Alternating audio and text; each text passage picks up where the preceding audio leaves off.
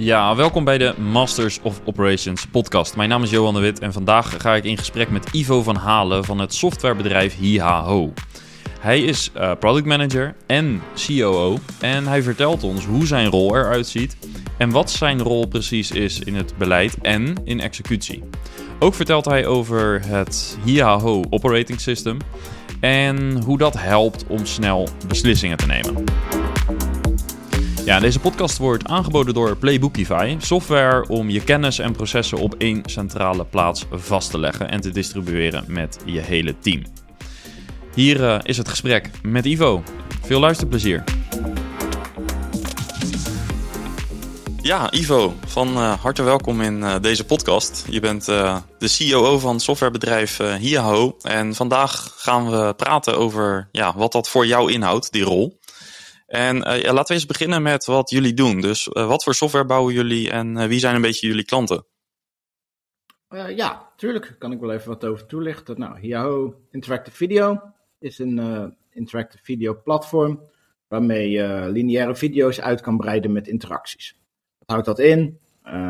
Je hebt een bestaande video waar je meer uit wil halen, of die je korter wil maken voor je, voor je kijker, bijvoorbeeld een how-to video. Doe je bij ons platform, kun je die uploaden, voeg je bijvoorbeeld een menu toe, en zo kan je heel makkelijk stappen toevoegen aan een video waarmee gebruikers, dus kijkers eigenlijk te snel erheen kunnen.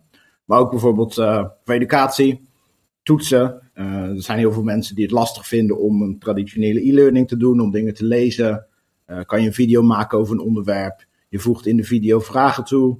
En zo worden automatisch de, de, ja, de toets afgenomen terwijl iemand de leerstof toe, tot zich neemt. Ja, ja want voor dat, ja, precies. Want voordat jullie er waren, dan uh, als je wat met video wilde doen, dan uh, ja, kan je, nou ja, dat is wat we gewend zijn op YouTube. Je drukt op play en op pauze. En tegenwoordig kan je nog een hoofdstuk zoeken, maar dan houdt het wel een beetje op. En ja. bij jullie kan ik inderdaad zeggen van, uh, ik voeg hier een stop toe. Dan moet de kijker een vraag stellen. En op basis van het antwoord gaat hij misschien naar een ander stuk in de video of krijgt hij iets anders te zien, opent er een link, dat soort zaken. Dus je verrijkt eigenlijk die hele video. Klopt, je verrijkt een bestaande video met meer dan 20 interacties inmiddels, die je ook kan combineren wat jij net als voorbeeld aangaf. Dus je kan scenario's maken dat je een vraag stelt en als iemand antwoord A kiest, uh, nou, dan laat je zien wat er bij antwoord A uh, gebeurt. Dat zien we bijvoorbeeld veel uh, in industrieachtige omgevingen, dat er iemand een machine bedient. En dan laten we zien dat het niet zo'n goed idee was om je hand in de machine te stoppen als je antwoord A hebt gekozen. Dat soort dingen. Je kan het heel, uh, heel levendig maken en de gebruiker geeft je echt de controle over uh, de ervaring die hij heeft met de video. Ja, helemaal goed. En, en kun je kort wat vertellen over jullie teamsamenstelling? Dus met hoeveel zijn jullie ongeveer en werken jullie remote? Of uh, ja, hoe ziet dat eruit? Ja, wij hebben een team van 25 in Assen. een stuk of 12, ongeveer de helft, developers. Developers, designers, tegenwoordig ook één dedicated tester erbij. Uh, aantal mensen in de sales, aantal in de marketing. En ook een vrij uitgebreid uh, content- en training team, zoals wij dat noemen, onze consultants. En wat zij eigenlijk doen, zij werken met ons eigen product. Dus zij doen echte klantprojecten met interactieve video, zodat we hele goede en directe feedback krijgen van wat werkt er goed in ons product, wat werkt er niet goed, wat moet er beter, wat is een goede doelgroep. Uh, ja, dus daarmee houden we de kwaliteit van ons product uh, hoog. En gebruiken we het zelf uh, in een serieuze betaalde setting, zodat je niet dat je serieuze feedback krijgt. Ja, helemaal goed. Voor vandaag ben ik natuurlijk vooral benieuwd naar jouw rol in, in het bedrijf. En in het bijzonder, om eens mee te beginnen, um, de rol die jij hebt in het maken van het beleid. dus Mark, jullie CEO. en, en jij zijn dus ja, ga ik even vanuit gezamenlijk verantwoordelijk voor uh, beleid en, en de uitvoering. Um, hoe ziet uh, zeg maar het, het beleid maken er bij jullie uit? Wat is het proces en welke rol heb jij daar specifiek in? Ja, daar komt ook nog uh, andere persoon bij kijken. Jeroen, onze COO, die speelt ook een grote rol in het, in het beleid maken. En met de uitvoer hebben we nog een ander MT-lid, Anne Wil, die, die daar ook bij helpt. Dus we eigenlijk met z'n vieren ja, het beleid wordt voornamelijk komt dat bij Mark en Jeroen vandaan. Die komen, zijn heel veel buiten, die spreken veel mensen, uh, hebben een visie. Uh, ja, die visie die, die, bespreken ze, die bespreken we met binnen ons MT. En dat doen we, proberen we zo gestructureerd mogelijk te doen. Dus niet uh, in een random operationele vergadering ineens een heel nieuw beleid uit gaan zetten. Maar dat, dat plannen we. Dus we werken op basis van een, van een jaardoel, splitsen we op in kwartalen. En vervolgens kijken we daarna op weekniveau hoe, hoe dat gaat, zeg maar. En mijn rol daarin, ja, enerzijds beleid challengen. klopt het wel wat jullie zeggen? Heb je hierover nagedacht? wat kan wel, wat kan niet? En anderzijds zorgen dat het uitgevoerd wordt. Dus dat het hele, de hele wollige visie uh, hapklare blokken worden die, de, die door de organisatie opgepakt kunnen worden. Ja, en, en gebruiken jullie daarbij nog een bepaald framework? Uh, je hoort vaak over scaling up en iOS en dat soort platforms of, of dat soort methodieken, zeg maar? officieel niet. We hebben niet officieel één methode die we, die we gebruiken. Alleen je ziet wel dat, nou ja, vooral Jeroen, ik en Mark, die hebben bij, bij andere bedrijven dit, dit al eerder gedaan. En je merkt dat we allemaal dingen uit methodes lenen die voor ons werken, zeg maar. Dus het is eigenlijk een soort van Yahoo operating system geworden om het bedrijf uh, mee te draaien. Dus we, we hebben wel dingen uit Rockefeller hebben, uh, Lean Startup, zie je dingen van terugkomen. En zo, hebben we eigenlijk onze eigen mix gemaakt van dingen die werken voor ons. Ja, en, en wat was het moment dat jullie nou, formeel gingen nadenken over het Yahoo Operating System, zoals je dat mooi noemt? Ik denk eigenlijk toen ik erbij kwam drie jaar geleden. Toen eerst zou ik alleen als product manager bij Yahoo komen, maar daarna, eigenlijk binnen tien dagen was ik CEO. Bleek dat die rol toch wel nodig was en dat ik daar wat in kon toevoegen. En toen ben ik daar zelf wat meer structuur in gaan brengen. Want eerst was het vooral Jeroen en Mark die dat, nou ja, als, de, als ze onderweg naar, allebei onderweg waren naar een afspraak, telefonisch overlegden. En ik heb daar eigenlijk wat meer structuur in willen brengen om ook ja, te zorgen dat de, de organisatie koers kan houden. En dat je niet elke paar weken de andere kant op gaat, zeg maar. Dus dat is eigenlijk met dat mijn rol erbij kwam, is, is, die, is dat systeem geïntroduceerd. En met hoeveel mensen waren jullie toen?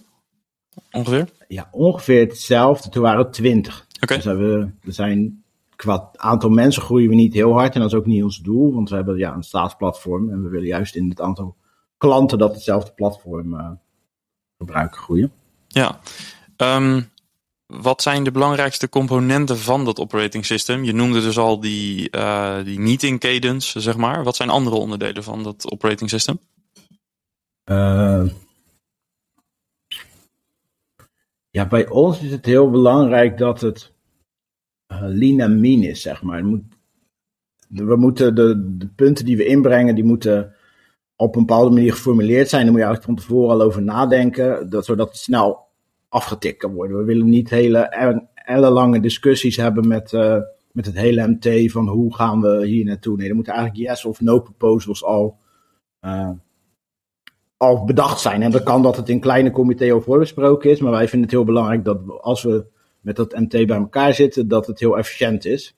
Dus eigenlijk een onderdeel daarvan is, eigenlijk een systeem om te zorgen dat, de, dat er alleen maar beslissingen genomen kunnen worden, in plaats van dat er uh, hele discussies vind, plaatsvinden. Ja, hoe noem je dat? Ik heb er niet precies een naam voor, maar dat is ook iets wat, ja. ja wat ontstaan is, ook weer op basis van onze ervaring, uh, wat we prettig vinden. Ja, en betekent dat dat jullie vooraf, uh, voorafgaand aan zo'n meeting altijd jullie stukken vooraf inleveren? Ja. Oké. Okay. Ja, ja we, vooral die, nou, de jaarplanning wordt wel redelijk, wordt zeer uitgebreid voorbereid, of de jaarmeeting wordt zeer uitgebreid voorbereid, maar ook bij de kwartaalmeeting, wat je dan ziet, is dat we we spreken uh, twee keer per week elkaar een half uur. Dan komen de onderwerpen naar boven. En dan op een gegeven moment bij sommige onderwerpen zien we, oh wacht, dit moet echt naar de kwartaalmeeting. Dus dan wordt het op die agenda geplaatst voor het volgende kwartaal. En dan wordt er iemand aan toegewezen die er verantwoordelijk voor is om dat stuk voor te bereiden. En dan eigenlijk de dagen voordat uh, het kwartaaloverleg is, dan kan je in de agenda al die uitgewerkte stukken zien ontstaan. En daar, uh, ja, die lees je dan. En dan is het een kwestie van bespreken. Tuurlijk is er wel wat discussie altijd, want ja, als je het in één keer ermee eens bent, dat is ook niet goed. Maar je merkt dat we uh, ja, elk onderwerp vrij snel af kunnen tikken en daardoor uh, vaart kunnen maken. Wat ik merk is dat we soms in de middag uh, beslissingen nemen waar bij mijn vorige bedrijf drie maanden over gedaan werd, zeg maar, door deze werkwijze. Dus je, we hebben een systeem bedacht waarmee we onwijs vaart kunnen maken. En snel dingen in de praktijk kunnen te testen in plaats van ja, er maar over uh, pakkeleien met elkaar. Ja, precies. Um, wat ik een beetje tussen de regels doorproef is dus dat jullie enerzijds echt de, het systeem hebben ingericht voor snel beslissen en iteratie. En nou ja, ook zorgen dat je goed beslaagd en ijs komt. Dus goed voorbereiden voor een meeting. Dus daar zit eigenlijk die snelheid heel erg in. Aan de andere kant hoorde ik je ook het woord wollig noemen bij visie. Dus jullie zullen ook soms willen vertragen, neem ik aan. Of dus bijvoorbeeld één keer per jaar um, om, om dan wat meer de tijd te nemen. Dat, Klopt dat? Doen jullie dat ook? Of, of lopen jullie eigenlijk altijd in een heel strak stramien? En, en uh, ja, hoe werkt dat bij jullie? Ja, eigenlijk allebei. We hebben de, de, de meer de hoge, de, de maandelijkse kwartaalachtige meetings, die lopen heel strak door. En dan de jaarmeeting, die is altijd wat uitgebreider. En daar is ook uh, ja, wel meer tijd voor, uh, voor visie. Voor zowel Jeroen als voor Mark om te vertellen wat ze allemaal zien. En en dat we daar dan vervolgens weer uh, in downdrillen van oké, wat, wat zijn dan concrete dingen die we op kunnen gaan pakken. Ja, oké, dus eigenlijk jaarlijks wat meer free format bijna en de ruimte en de, iets meer rust nemen. En dan in een vrij strakke kwartaalsequence vertaal je door naar wekelijkse acties, hè, noemde je. Dus uh, werken jullie ook met wekelijkse sprints bijvoorbeeld? Of? Uh, nou, met het ontwikkelteam uh, is het eigenlijk vol continu. dus met software development. Dat is gewoon elke dag uh, is daar een, een, release en worden de, de, prioriteiten bepaald. Maar meer op, op beleidniveau. ja, sommige punten doen natuurlijk langer dan, dan een week. Maar we hebben, we hebben eigenlijk twee keer per week overleg om te kijken wat is er dan actueel en er moet besproken worden. Dat is op maandag en op donderdag. Ja. En dan zo zo houden we elkaar scherp en zorgen we dat iedereen aan de juiste dingen werkt. Oké. Okay. Um... Met advisie is het niet zo dat er de rest van het jaar niet over gesproken wordt. Alleen dat is dan meer informeel, zeg maar. Dat als je één op één met iemand, dan, dan filosofeer je over bepaalde dingen. Uh, maar echt de, de, strakke lijnen, dat wordt wel uh, ja, tot jaarniveau besloten. Ja, oké, helder. En dan heb je eigenlijk zeg maar, je, je rol uh, en, en jullie werkwijze binnen het directieteam uh, beschreven. Als we gaan kijken naar de koppeling met de operatie, dus met uh, de teamleden, de softwareontwikkelaars, de consultants, eigenlijk al die rollen. Um, hoe ziet jouw communicatiestructuur met dat gedeelte van de organisatie eruit? dat gaat eigenlijk over drie lijnen. We hebben de, dan het consultants team. Die hebben een teamlid die ook in ons MT zit. Dus daar ja, schakel ik eigenlijk direct mee. Of die schakel eigenlijk direct. Dat is niet per se dat ik die aanstuur. Die vangt gewoon zelf alles op. Die is, die is erbij. Uh, marketing, waar, we waar ik operationeel mee, uh, mee schakel om te kijken. Oké, wat moet er op dat gebied komende kwartaal, komende maand. Afhankelijk van uh, wanneer we zitten gebeuren. En development team, daar ben ik heel uh, intens bij betrokken. Dus die, nou ja, die, die spreek ik dagelijks. Ik heb dagelijks met de lead developer eh, overleg van hoe ver zijn we met de, de volgende release. Uh, wat moet er nog gebeuren. En daar doe ik ook de, de kwartaalplanning heel intensief mee maken. Met, zowel met de lead developer als Mark. Die sluit er ook altijd bij jou, onze CEO.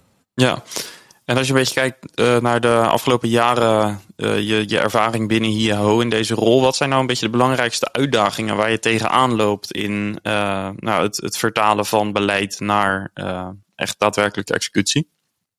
Uh, prioriteitbepaling van wat je, wat je gaat doen.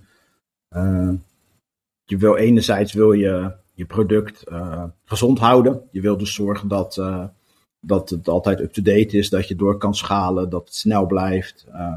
daar moet je tijd voor inruimen, maar dat wordt in veel organisaties wordt dat weggedrukt door nieuwe features en wensen vanuit klanten ja, dus daar zat best wel een uitdaging aan het begin om te zorgen van oké, hoe kunnen we naar alle, alle wensen eigenlijk die er zijn. Uh, nou ja, bij ons is dat dan uh, nieuwe features, uh, klantwensen, integraties met potentiële partners en legacy voorkomen, refactoring. Hoe kan je dat allemaal bedienen, zeg maar? En hoe ben je niet, hoe zorg je ervoor dat je niet alleen maar bezig bent met het laatste gesprek wat je commercieel directeur heeft gehad, zeg maar. Wat je vaak vaak ziet. Want ja, die hebben dan iets besproken, die zijn enthousiast en die willen het dan morgen hebben. Maar ja, dat is niet uh, voor de lange termijnvisie niet altijd het beste. Dus daar zat wel best wel een uitdaging in aan het begin om daar een goed systeem voor te, voor te vinden. Ja, en, en wat doe je op het moment dat er, uh, nou, laten we zeggen, vijf initiatieven op je bureau terechtkomen die allemaal uh, met dezelfde urgentie gebracht worden. Hoe ziet jouw besluitvorming er dan uit of je aanpak? Ja, wij hebben een soort lanes noemen we het zelf. Dus we, je hebt eigenlijk vier pilaren waar, waar iets in kan passen. Dus dat is dan uh, integraties, klantwensen, features die we zelf willen en refactoring. Dan wordt het eerst in een van die lanes bepaald of gezet. En per lane is er eigenlijk iemand die, die bepaalt wat daar de prioriteit is. Nou, bij productontwikkeling ben ik dat. Bij refactoring doe ik dat samen met, uh, met onze lead developer. En bij features trouwens ook onze CEO, maar goed. En de, ja, de nieuwe klanten en de integratiepartners ligt bij de COO. Dus dan mag hij kiezen. Zeg, oké, je hebt nu drie wensen. Kies maar welke als eerste in progress gaat. En zo, nou ja, laat je hem eigenlijk heel goed nadenken over, oké, wat is nou echt belangrijk? En in plaats van dat ik nee zeg, zegt hij eigenlijk ja tegen één voorstel in plaats van en, nee tegen twee andere zelf. Op die manier uh, komt er ook begrip en inzicht aan de andere kant waarom niet alles tegelijk kan en hoeft. Ja, en dat, is, uh, dat zijn zeg maar uh, vraagstukken die direct betrekking hebben op jullie softwareproduct.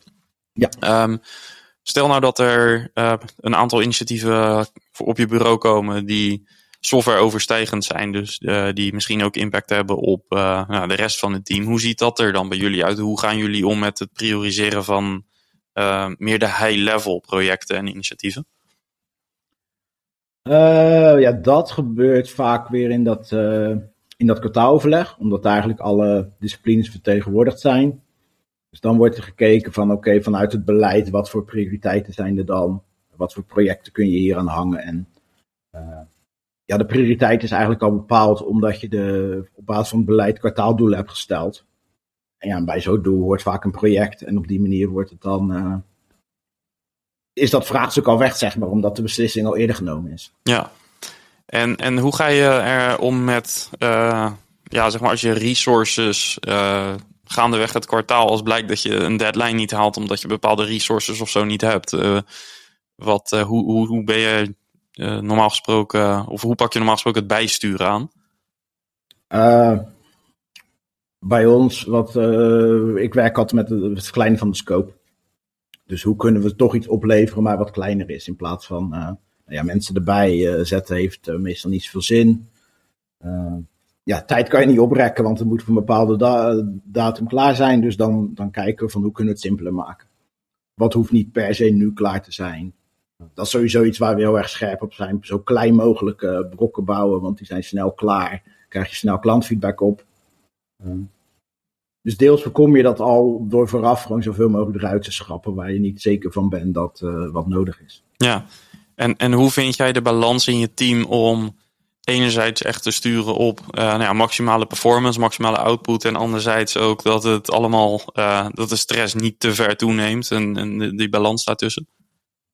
Uh, ja, dan kan ik vooral voor het development team spreken. Wat we daar hebben gedaan, wat in veel organisaties gebeurde, is dat je, dat je heel veel druk bij het team legt door, door hen inschattingen te laten maken. Van oké, hoeveel werk is dit en hoeveel kost dat? En dat dat heel erg in detail moest kloppen en mensen op afgerekend werden en vervolgens ja, bleek er toch niks van te kloppen. Dat is mijn eigen ervaring als uh, voormalig software developer ook. Dus dat doen we nu eigenlijk op een hoger niveau. Ik kijk met de lead developers samen van oké, is dit een, een, klein project of een gemiddeld of groot? Uh, hoeveel passen er in een kwartaal?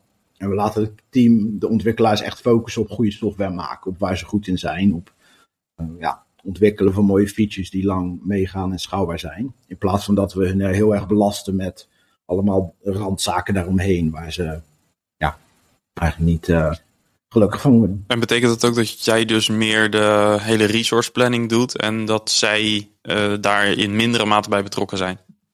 Ja, dat klopt. Ja. Okay. We aan het begin wel ja, uitgebreid ook met ze besproken van ja, hoe, hoe zien jullie dit? En eigenlijk vinden ze het allemaal gewoon prima als we taken toegewezen krijgen en waar ze gewoon aan kunnen werken. Dus ja, dan gaan we het ook niet ingewikkelder maken dan, uh, dan nodig is. Ja. Oké, okay, um, ja, en dan even over, over jouw rol, uh, jouw persoonlijke rol als, uh, als COO. In deze podcast proberen we ook nou ja, eigenlijk te ontrafelen van wat, wat maakt nou een, een, een goede ja, leider, zeg maar, op het gebied van het daadwerkelijk uitvoeren van beleid. Um, wat vind jij echt de meest kritieke, kritieke eigenschap voor iemand in jouw rol? ik denk dat het heel belangrijk is dat je goed de, nou, ik zou zeggen, de visie die, die op je afkomt kan filteren. Wat je, wat je merkt bij beleidsbepalers, CEO, commercieel directeurs, dat soort rollen. Die hebben heel veel ideeën. Dat is goed, dat is belangrijk. Die zien heel veel dingen buiten, wat die buiten gebeuren, willen ze naar binnen hebben.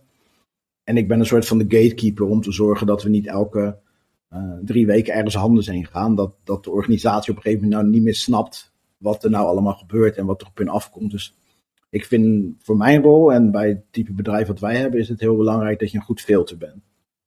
Dat je kritische vragen blijft stellen uh, over de visie. Is dat echt nu nodig? Uh, kunnen we dit uh, later doen? Of juist als je een unieke kans voorbij komt en je herkent hem ook, dat je dan wel de mogelijkheid biedt om dat op een goede manier de organisatie in te krijgen. Ja, en, en ja, dit is misschien een hele lastig te beantwoorden vraag, maar hoe ontwikkel je zo'n filter? Ja, het deels ook uh, nou ja, deels is het ook ervaring. Dus gewoon veel doen, veel praten met, je, met je commerciële mensen. maar ook van tevoren dat bespreken, dat je dat zo gaat doen met elkaar. Dus als je heel duidelijk die afspraken vastlegt van oké, jullie zijn voor de visie en ik ben voor de integratie van die visie. dat houdt in dat ik dit en dit en dit doe. En je soms het gevoel hebt dat ik je tegenwerk. Maar dat is niet per se om je te pesten, zeg maar. En vanuit de andere kant, ja, ik wil niet de hele tijd jouw planning overhoop gooien. Maar dit is wat ik zie en dat moet ik kwijt, zeg maar. Dus ik denk dat het belangrijk is als je, ja, dat je daar samen een werkafspraak over maakt. En op één lijn zit en niet, uh, uh, ja, simpel te zeggen, boos op elkaar wordt omdat je een rol speelt. Ja, dus dat betekent ook dat je goede communicatievaardigheden nodig hebt. Ja, ja je moet wel. Uh, uh, kijk, als je commercieel directeur net opbelt naar, naar een interessante op, uh, afspraak en het eerste wat je roept, sorry, dat gaat niet lukken, hebben we geen tijd voor. Ja, dat is niet echt de manier, zeg maar. Dus dan, je zal wel ja, vragen moeten stellen, luisteren, het wel allemaal op je nemen, erover nadenken en dan volgens erop terugkomen. En soms met sommige dingen werkt het ook om een paar vragen te stellen. En dan komt, komt iemand zelf wat en tot het inzicht dat dit niet per se volgende week hoeft, zeg maar. Ja, dus uh, vooral ook spiegelen en het, ja. steeds het grote plaatje uh, erbij pakken. En, en, dat gebruiken eigenlijk als referentie voor decision making. Ja, ik refereer ook vaak naar onze kernklanten. Zeg ik, oké, okay, hoe, kan, wat heeft dit type bedrijf aan deze en deze oplossing? Hoe gaat het dan hem of haar dat helpen? En soms is dan een conclusie eigenlijk niet. Dus dan zit iemand erin dat het niet is. Maar soms komt er een heel sterk verhaal wat ik zelf nog niet had gezien. En denk oh ja, je hebt helemaal gelijk. Ja, oké, okay, hier moeten we mee aan de slag. Ja, dus het kan twee kanten op werken. Ja, ja. ja helemaal goed. Ja, onwijs bedankt. Um, we, uh, we hebben in vrij korte tijd, uh, zoals jij gewend bent bij de interne meetings, uh, hebben we dat denk ik vandaag ook een aantal thema's ja, goed, goed behandeld. Um, ontzettend bedankt voor het maken van je tijd. Als mensen met jou in contact willen komen, hoe kunnen ze dat het beste doen? ik kan me vinden op LinkedIn, Ivo van Halen. Stel vooral vragen als je dingen wil weten. En anders per, e per e-mail ivo.yahoo.com. Super, dank voor het delen van je ervaring. Super. Ja, en dit was de aflevering weer van deze week. Abonneer je op deze podcast en vooral ga naar start.mastersofoperations.com. De link staat in de show notes. Om deel te nemen aan het gesprek. Tot volgende week.